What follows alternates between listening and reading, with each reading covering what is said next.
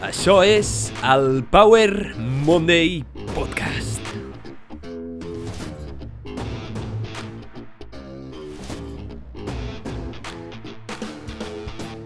Benvinguts al Power Monday Podcast. Soc en Pau, el teu apassionat de salut, inspiració i ciència, i estic molt agraït de que estiguis escoltant aquest episodi.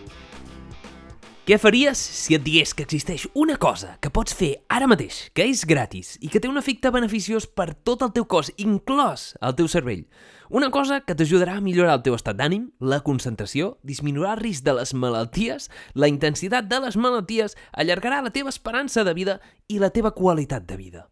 Potser diries que estic exagerant o que estic dient mentides, però aquesta cosa existeix i és ben real, i és ni més ni menys que l'exercici físic, la pràctica del moviment. En aquest episodi parlaré potser de l'acció més important de la teva vida i m'atreveixo a dir-ho sense exagerar, perquè els efectes dramàtics de l'exercici no són només per la teva salut, sinó per la teva ment i per tota la teva vida. Aquestes setmanes he estat llegint i aprenent sobre la literatura més recent de l'exercici físic. Entrevistes a científics de reconeixement mundial, papers, vídeos... Tot el que he llegit i escoltat ho comparteixo condensat en algunes de les lliçons més importants que he extret. No sóc expert en l'exercici físic, coi, probablement no sigui expert en res. El que sí que em considero és un apassionat, amb curiositat i amb ganes de compartir les lliçons basades en la ciència que he extret al llarg de la meva vida a eines pràctiques que t'ajudin i que puguis aplicar immediatament per fer la teva vida una mica millor, encara que sigui una mica. Amb una mica em conformo. En aquest episodi començarem amb unes dades impactants que et deixaran flipant. Seguiré amb uns principis bàsics, mites i protocols que pots aplicar avui mateix.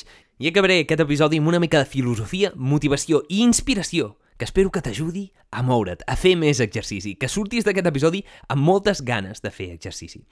Abans de seguir amb aquest episodi, deixa'm fer-te un petit recordatori. Si us plau, si t'agrada aquest contingut i creus que té el potencial d'ajudar alguna persona, comparteix-lo i fes-lo arribar més enllà. M'ajudaràs a fer créixer el Power Monday Podcast i t'ho agrairé moltíssim. Et recordo que em pots escoltar a moltes plataformes de podcast, Spotify, Google Podcast, Evox, Apple Podcast, on tenim-ho, on em posis un m'agrada i un seguir i m'ajudaràs moltíssim també a estar més endavant amb l'algoritme. Em pots trobar a diferents llocs, em pots trobar a la xeta, on pots donar suport a aquest contingut, i també em pots trobar a Instagram Power Monday Show, on pujo més contingut. A la descripció d'aquest episodi trobaràs enllaços a totes les entrevistes, estudis i vídeos que he consultat per fer aquest episodi que espero que et siguin útils i que els puguis aplicar tu personalment d'alguna manera. I ara sí, anem a començar aquest episodi dels beneficis de l'exercici físic. Abans de començar, deixa'm dir-te una cosa. Si pots escoltar aquest episodi en moviment, fent exercici, tens més Power Monday Points. Tens tots els gains per tu. I ara sí, som-hi. La inactivitat física és la quarta causa de mort al món i una de les principals causes de pèrdues d'anys de salut i de vida. Això significa que perdem qualitat de vida i aquells que no practiquen esport o moviment perden anys bons de vida, viuen en pitjors condicions i viuen en pitjors condicions durant més temps. I és que és universal, és igual a qui estudis homes, dones, nens, adults, vells, una població, una altra, cristians, musulmans, budistes, blancs, negres, asiàtics, eh, nans, és igual, arreu, a tot el món. El fet extraordinari que es veu és que fer exercici augmenta l'esperança de vida, la qualitat de vida i els anys de qualitat de vida. Dit, eh, dit clar i català, fer exercici constantment et fa viure molt més i molt millor. Diuen que si l'exercici físic fos un medicament, seria no només el medicament més vengut de la història, sinó el millor medicament de la història. I és que ha demostrat evidència en tots els nivells, tots. Uh, estudis experimentals, observacionals, d'intervenció, estudis amb animals, estudis amb humans, estudis amb cèl·lules, tots els estudis que vulguis. De fet, si agafés tots els estudis que han demostrat beneficis de l'exercici físic, uh, no em cabrien en aquesta casa. No em cabrien a casa meva, no em cabrien... O sigui, amb tot el que tinc, no, no hi cabrien. No, no m'ofegaria. I és que l'exercici físic i practicar-lo regularment ha demostrat ajudar-nos en un gran fotimer de malalties, la veritat. Probablement més de 40 malalties es beneficiarien de la pràctica constant d'exercici i moltes més. La veritat, hi ha molts estudis i no és per exagerar, no em cabrien aquí a casa, però en particular ens interessen aquells estudis amb major evidència, amb l'evidència més important, el que s'acosti més a la veritat. I aquests són els metanàlisis. Els metanàlisis són estudis d'estudis, estudis que agafen altres estudis, els ajunten junten i agafen moltes dades i analitzen i en treuen conclusions. Normalment aquests metaanàlisis miren la mortalitat global o la morbiditat global o algunes malalties específiques.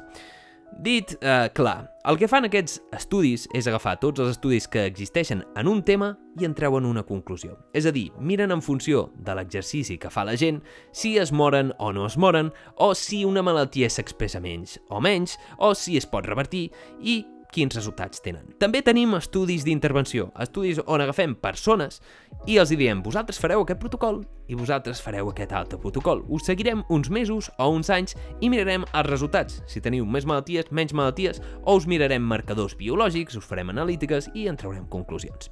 En resum, tots els estudis indiquen una conclusió clara, i és que fer exercici és increïble per la teva salut i per la teva longevitat. Anem a veure algun estudi, anem a veure dades impactants. Impactants que et deixaran, que et faran caure de la cadira si m'estàs escoltant. Atenció. Un estudi publicat el 2018 al JAMA Journal of the American Medical Association va veure un fet fascinant, i és que va mirar l'associació del fitness cardiorespiratori amb la mortalitat a llarg termini de diferents adults majors de 50 anys.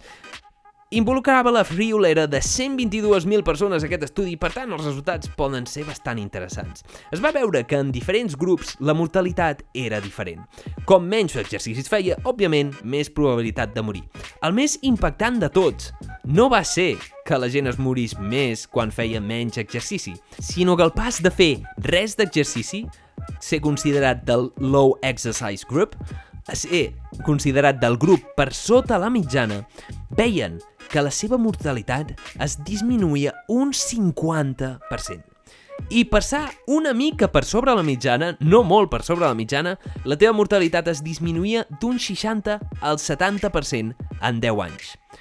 El canvi més petit es veia, però, en el pas d'aquells que eren atletes intensos a atletes d'èlit, a atletes professionals. La diferència de mortalitat aquí no es veia gaire.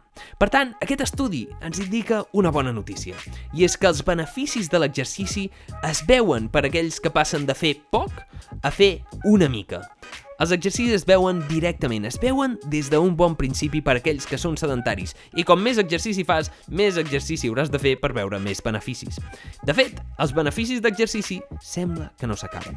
Per tant, queda't amb aquesta data. Aquells que passem de fer res d'exercici a una mica d'exercici menys que la mitjana, és a dir, poca cosa, podem disminuir la mortalitat un 50%, i aquells que passem ja per sobre la mitjana, disminuïm la mortalitat entre un 60 i un 70% en els propers 10 10 anys. Això vol dir que la teva probabilitat de morir en 10 anys disminueix radicalment. Això es veu en persones majors de 50 anys, però podria citar molts papers, com el de British Medical Journal de 2018, on mira la població de 1.246.000 persones i es veu com la mortalitat, aquelles persones que fan exercici 3 hores la setmana disminueix entre un 27 i un 50%. També aquest altre estudi, un metaanàlisi publicat el 2009 a International Journal of Sports Medicine, que conclou que els beneficis de l'exercici tenen un efecte dosis dependent, és a dir, com més exercici fas, menor és la teva mortalitat i menor és la teva probabilitat de contraure diferents tipus de malalties. I els beneficis es veuen sobretot per aquells que són sedentaris, no tant aquells que ja són actius,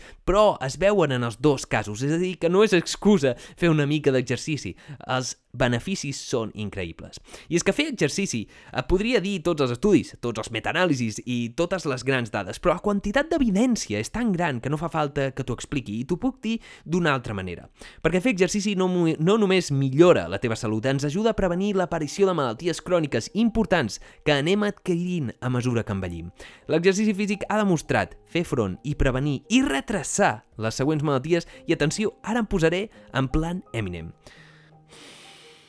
La diabetis tipus 2, la obesitat, el síndrome metabòlic, l'ictus hemorràgic, l'Alzheimer, l'hipertensió, la dislipidèmia, la mort prematura, les fractures prematures, el càncer d'endometri, la disfunció erèctil, l'estrenyiment, el càncer de colon, el càncer de mama, les malalties de l'equilibri, l'artritis reumatoide, la sarcopènia, el síndrome de l'ovari policístic, el fetge gras no alcohòlic, la diverticulitis, la depressió, l'ansietat, la disfunció cognitiva, l'osteoartritis, el càncer d'ovari, les malalties cardiovasculars...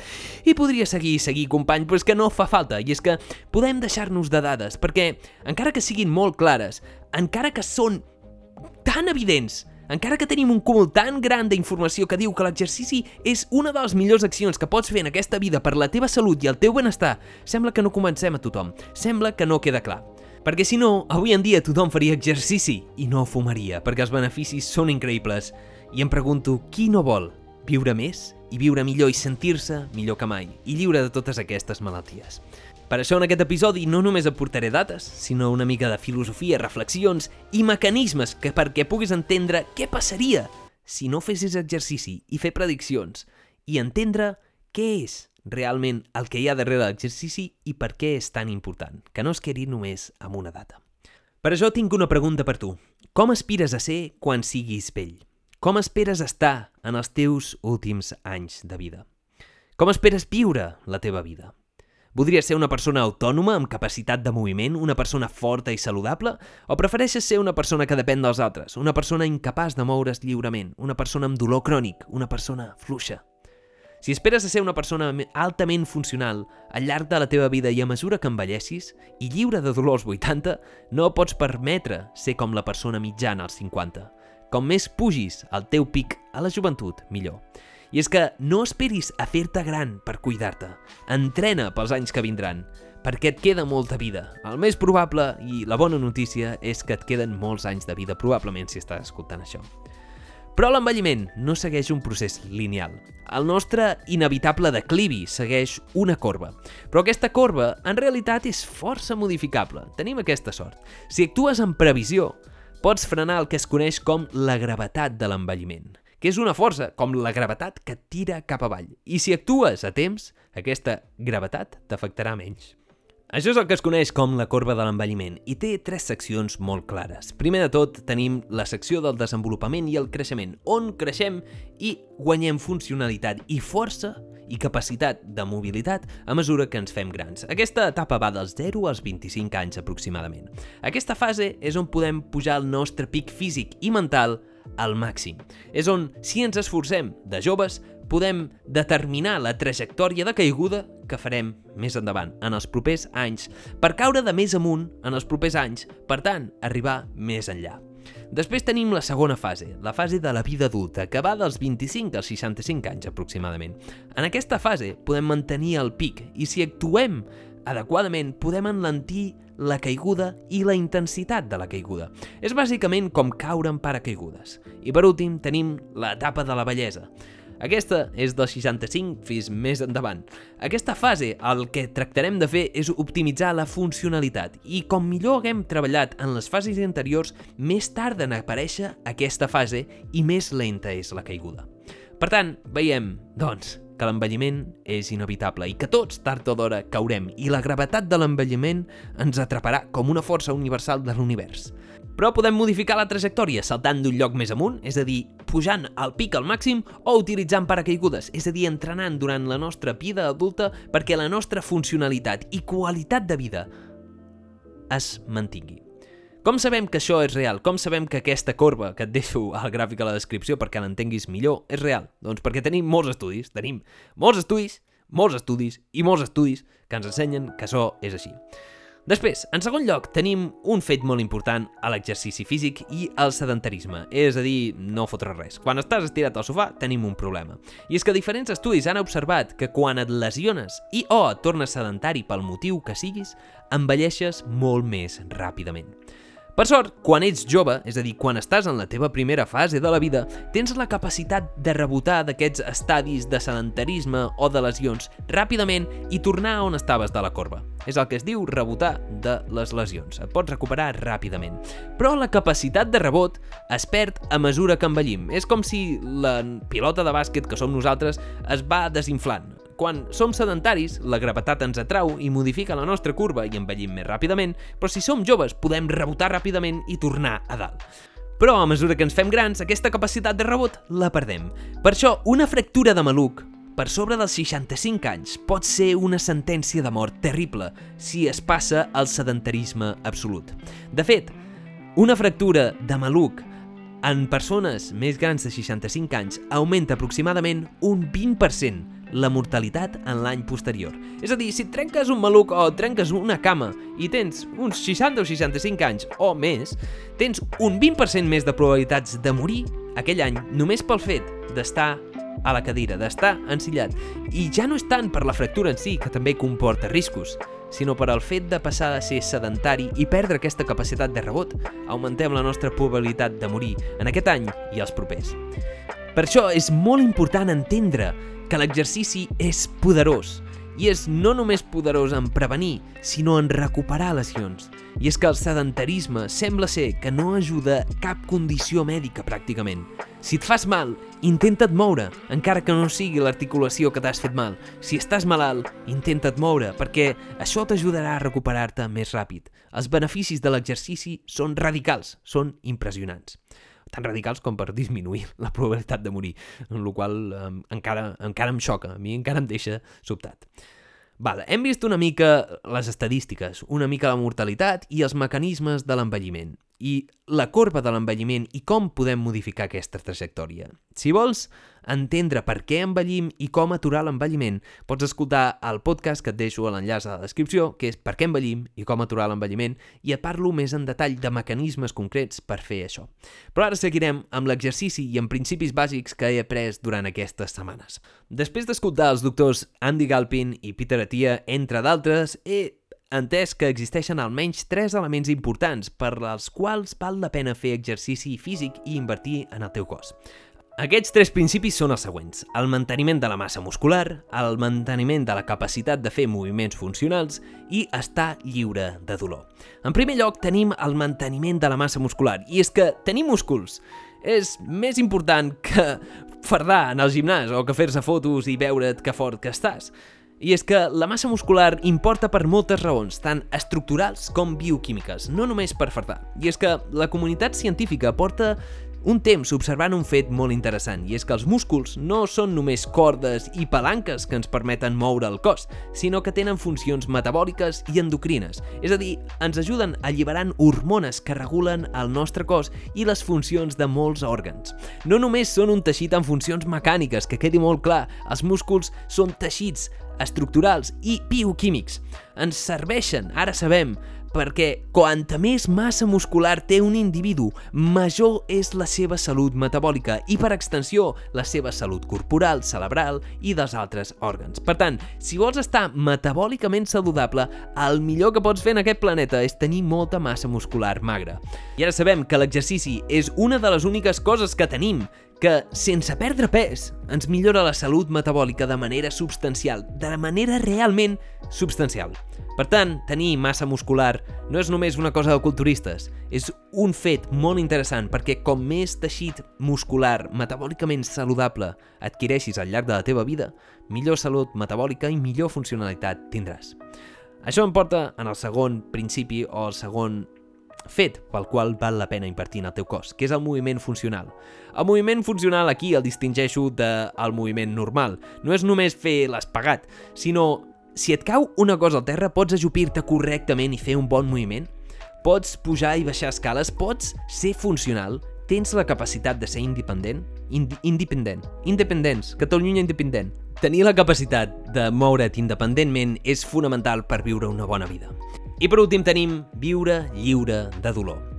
I és que deixa'm que et digui que des de la meva experiència amb diferents lesions bastant putada a llarg termini, al llarg de la meva vida, problemes de salut que m'afecten a la meva mobilitat i que m'han causat una pèrdua de la capacitat funcional i causa de dolor durant molt temps, et puc afirmar amb molta fermesa que no hi ha res més irritant, enfurismant, rabiós que tenir dolor quan et mous, que no poder-te moure, que fer-te mal constantment i de dependre de les altres persones, de perdre la teva capacitat funcional.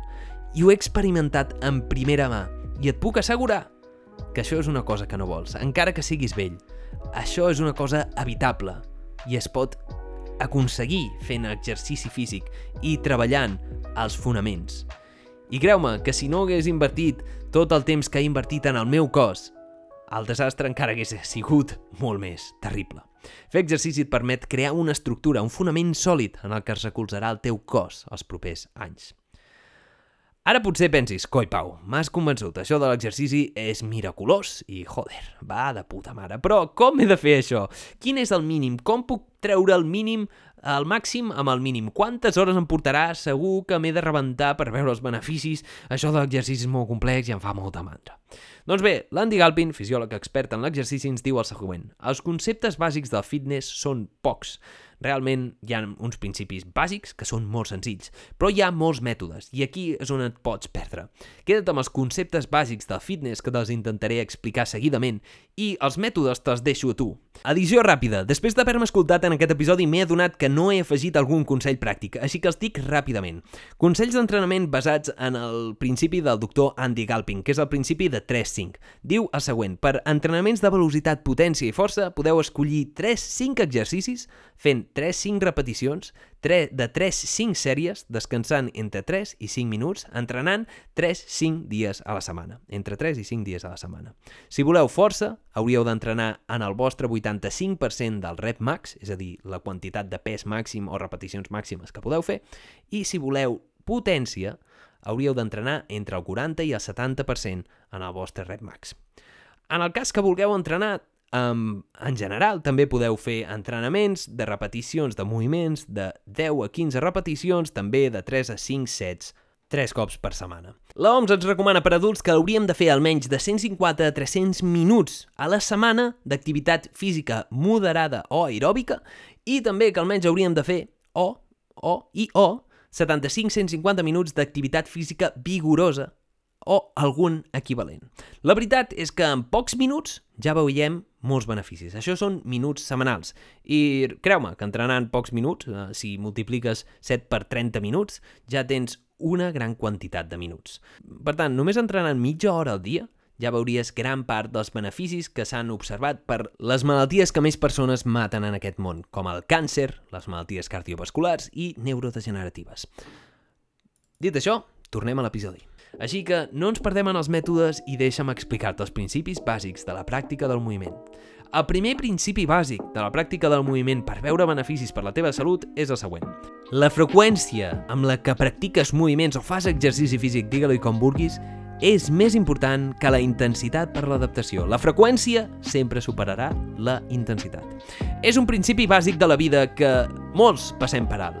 I és com va dir Bruce Lee, la constància a llarg termini sempre guanya la intensitat a curt termini. I és, bàsicament, la història de la llebre i la tortuga.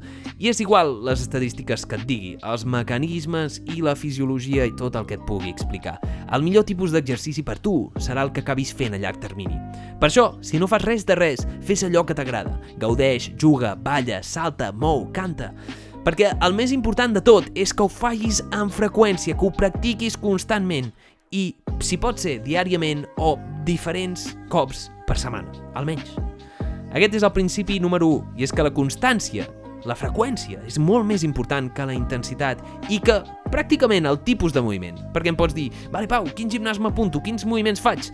Ho fas constantment?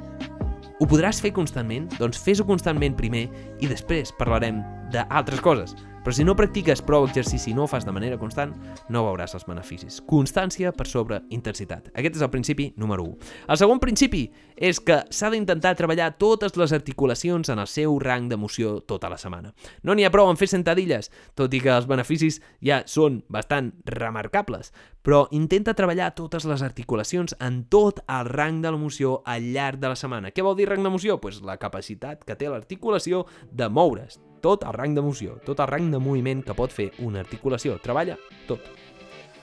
El tercer principi és que les agulletes són un mal marcador d'un bon entrenament, i és que hi ha moltes maneres d'estimular el cos per causar una adaptació, i ho veurem més endavant. Les agulletes són només un marcador d'una d'elles. No hi ha una relació lineal entre un bon entrenament i les agulletes. Més agulletes no sempre vol dir millor entrenament, i per tenir un bon entrenament no calen agulletes. Així que fes un tipus de moviment que t'estimuli i no busquis com a marcador, les agulletes. No pensis que si no tens agulletes, l'entrenament d'ahir no va servir per res. El quart principi està relacionat amb aquest i ens diu que existeixen diferents dominis en l'activitat física, diferents dominis que pots entrenar. Són nou en concret i són els següents. Són l'habilitat, la velocitat, la potència, que és la funció de velocitat i força, després tenim la força, tenim la hipertròfia, que és la massa muscular creixent, tenim la resistència muscular, després tenim la potència anaeròbica, és a dir, la capacitat de produir i mantenir el treball a ràfegues curtes, després tenim la potència aeròbica o la freqüència cardíaca màxima o el VO2 max, i després tenim la resistència llarga o entrenament de 30 minuts o més sense descans. Aquests nou dominis són nou dominis en el que el teu cos es pot adaptar. Nou regnes, digue-li com vulguis, en el teu cos pot veure beneficis. I tots tenen beneficis, tant si fas entrenament d'hipertròfia com si fas entrenament de resistència, o tant si fas aeròbic o anaeròbic. Alguns tenen uns diferents beneficis que d'altres, però tots, en conseqüència, tenen beneficis. La meva recomanació és que intentis tocar una mica de cada regne per veure els màxims beneficis tant en funcionalitat com en massa muscular magra com en viure lliure de dolor. No entrarem més en detall, perquè ja anem a per al cinquè principi de l'exercici. El cinquè principi de l'exercici físic que he pres aquestes setmanes és la càrrega progressiva. Aquest és un clàssic i és bàsicament el que ens ve dir un estressor hormètic. Si has escoltat el podcast saps que M'encanten els estressors hormètics, que és aquest fet que un estrès, un petit estrès a una dosis adequada causa una adaptació a llarg termini. Si en el teu cos li dones de manera progressiva i creixent un estrès, mica en mica el teu cos s'anirà adaptant i a llarg termini passaràs de no poder aixecar pes a poder aixecar grans quantitats de pes, sempre i quan et moguis en zones segures que no indueixin a lesió i no indueixin a problemes. Però, si no estimules prou el teu cos, arribarà un punt on aconseguiràs un plató, és a dir, arribaràs en un pla i no milloraràs més. Per tant, la càrrega ha de ser progressiva i adaptada a cada individu. La càrrega progressiva és bàsicament l'adaptació després d'un estrès a llarg termini. El cos es fa bo en allò que fas, però també es fa bo en allò que no fas. Si no et mous, el teu cos es farà bo en no moure's. Si et mous, el teu cos et permetrà més moviment. Si aixeques pes, mica en mica el teu cos et permetrà cada vegada aixecar més pes. Si no n'aixeques, els teus músculs s'atrofiaran perquè sabran que no necessiten moviment perquè no els estimules, no els estàs estressant prou com perquè s'adaptin a l'entorn. I és que els nostres cossos s'adapten a l'entorn, s'adapten a l'ambient d'una manera increïble i bastant ràpida humans que viuen en climes i condicions completament diferents, el cos és capaç d'adaptar-se. I és que la fisiologia és fascinant, des dels inuits fins als Masai. La gent és capaç de viure en ambients radicalment oposats i triomfar en aquests ambients. Però que consti que el teu cos també s'adapta al sedentarisme. Per tant, hem vist aquests cinc principis. Crec que són molt importants. Primer, hem vist la freqüència per sobre la intensitat. Després tenim que s'han de treballar totes les articulacions al llarg del rang d'emoció, que les agulletes són un mal marcador per un bon entrenament, que existeixen diferents dominis en l'activitat física i l'últim de tots, la càrrega progressiva i l'adaptabilitat dels nostres cossos en aquest estressor hermètic que és l'exercici físic. A llarg termini pots fer coses increïbles. Vull afegir un principi extra que m'ha resultat interessant en els últims dies, i és que la força no sempre es relaciona amb la hipertròfia, però quasi sempre. Per què dic això? Perquè no sempre els que tenen més múscul són els que estan més forts. Un clar exemple són els culturistes. Els culturistes són les persones que tenen el múscul més gran d'aquest planeta. Sembla que són molt inflats, que són molt forts, però no són els que aixequen més pes. De fet, probablement una de les persones que aixequi més pes en aquest planeta des de fora, és probable que moltes vegades no et sembli tan fort. En algun cas, fins i tot, et pot semblar que està una mica grassonet. Però la força, la hipertròfia i els complexes que tenim de ser fort i els estàndards de fitness no sempre es relacionen amb força o amb capacitat de moviment. Per tant, el que és important és que tu estiguis bé, que siguis fort, que tinguis molt múscul i que estiguis sa, no que estiguis molt prim, que tinguis molts músculs que es vegin molt bé en el mirall, sinó que la teva salut sigui la millor i que tinguis un molt bon fonament físic que et permeti viure una vida llarga i de molta qualitat. Això em porta a les reflexions filosòfiques finals. Aquestes reflexions filosòfiques i motivacionals per a aquells que, tot i tots els principis que he compartit en aquest episodi, no n'hi ha prou. El teu cos es mereix molt més. Puc apostar-te que el 90% dels que m'esteu escoltant no poseu el vostre cos en primer lloc, com la prioritat que hauria de ser. I en aquest segment del podcast no espero deprimir-te, sinó inspirar-te. I és que molts no fan del seu cos la prioritat número 1, i crec que és on hauria de ser. I potser sonaré boig o fora de lloc, però deixa'm que et doni una mica de context. Deixa'm que et posi un exemple. Imagina't que tens un cotxe llampant, un cotxe fascinant, un cotxe que t'encanta, i el que has de fer per mantenir-lo és fer-lo servir cada dia. De fet, si el fas servir cada dia, el cotxe va encara més fi. Però en comptes de fer-lo servir, el deixes tancat en un garatge, on el cotxe es va oxidant, les seves peces van perdent oli, i va agafant pols, i de tant en tant fins i tot entra algú i li fot una hòstia, el rebenta, li trenca el vidre. Uh, això són els hàbits tòxics, però bueno, el teu cos és el teu vehicle, no per moure't d'un punt A a un punt B, sinó per la teva existència. I tot i que la teva ment potser ets tu, la teva ment no és separable del teu cos. Tu ets el teu cos. I la veritat, no cal que tractis el teu cos com un temple. Sent sincers, el cos pot aguantar molta merda i és molt adaptable. No volem la perfecció. Però sí que molts el que volem és posar-nos en forma, fer més, aguantar més temps en aquest planeta, sentir-nos millor. Primer, hem de donar-nos de la importància del que tenim al davant, de la importància del nostre cos i de mantenir-lo a través de l'exercici físic. I molts voleu això, molts voleu sentir-vos bé, sentir-vos capaços, ser més funcionals, trobar-vos bé mentalment i físicament. I també veure-us bé en el mirall. Però què és més important, oi? Potser els amics, l'educació, la feina... Ràpidament, si el teu cos no és la prioritat número 1, el més probable és que passi a ser la quarta o la cinquena i que passi per darrere de la feina, les relacions, l'oci... Però si no poses el que és important de debò en el seu lloc, com esperes estar al màxim o sentir-te bé? Com esperes treballar bé si no dorms bé? Com pots estimar i ajudar els altres si no pots estimar i ajudar-te tu mateix? En el segle XXI som criatures físiques en un món digital i això comporta conseqüències. No hem evolucionat per viure en l'ambient en el que estem i, de fet, el 0,1% de la història de la humanitat ha estat exposada a aquests ambients sedentaris i tòxics per això és més important que mai que prenguis la decisió correcta tu. Recorda, si estàs viu, encara ets adaptable. La transformació que faràs no només t'impactarà a tu, sinó a tots els altres, a tots els que t'envolten, perquè seràs una millor versió. Si tens problemes amb la teva salut física o la teva salut mental, no els aparquis, no els ignoris, encara'ls, soluciona'ls i converteix-te en la teva millor versió. Sé que és difícil, però ho pots fer. I deixa'm preguntar-te una cosa. Et quedaràs assegut buscant raons per les quals és difícil fer exercici?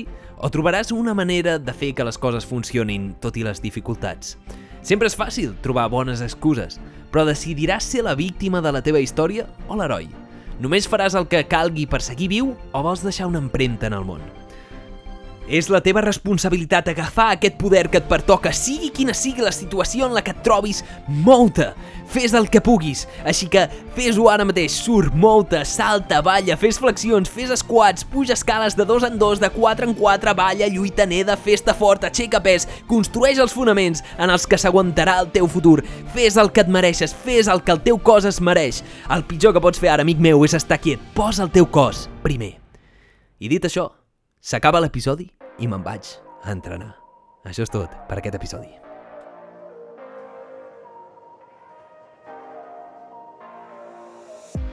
Ei, moltíssimes gràcies per haver escoltat aquest episodi. Espero que t'hagi agradat molt o t'hagi aportat una mica de valor. Recorda, si us plau, si t'ha agradat aquest episodi, comparteix-lo amb alguna persona que creguis que se'n pot beneficiar i m'ajudaràs a créixer moltíssim i t'ho agrairé moltíssim perquè arribarà la paraula de Power Monday Podcast més enllà. Informació basada en l'evidència que intenta ajudar-te a viure una mica millor. Em pots trobar i escoltar a moltes plataformes de podcast. Spotify, Google Podcast, Apple Podcast. T'animo que em posis un seguir i un m'agrada perquè no perdis cap episodi. Últimament estic penjant episodis de manera bisemanal per intentar posar una mica més de qualitat al meu contingut, tant científica com d'edició. Espero que t'hagi agradat aquest episodi on intento destacar els beneficis de l'exercici, que són molts i molt variats. Alguns principis bàsics, alguna mica de filosofia, una mica de motivació. Espero que algun principi t'hagi agradat. Recorda posar el teu cos en primer lloc i veuràs com totes les altres àrees de la vida se'n beneficien. Viuràs més, viuràs millor, menys malalties, més qualitat de vida. La veritat és que l'exercici físic és fascinant i crec que no li hauré fet prou respecte als beneficis que s'han observat amb aquest petit episodi de mitja hora. Se m'oblidava dir-te que també pots trobar a la Xeta, on pots donar suport a aquest contingut, i a Instagram Power Monday Show. Et desitjo, com sempre, una setmana èpica plena de creixement personal amb molt exercici físic i que el facis diàriament. I deixa'm dir-te, si ningú t'ho ha dit encara, que ets únic, irrepetible, increïble i que ara és un bon moment per prendre acció. Això és tot per aquest episodi. Ves, mou-te, fes una mica d'exercici per part meva i ens veurem, com sempre, en el pròxim episodi. Ciao. Pump it up! 3, 3, 3! Go, go! Vinga, ciao! Per més informació i més episodis, fes una ullada a la descripció d'aquest episodi. Crec que et poden resultar interessants. M'agrada? Comparteix, subscriu i mou-te.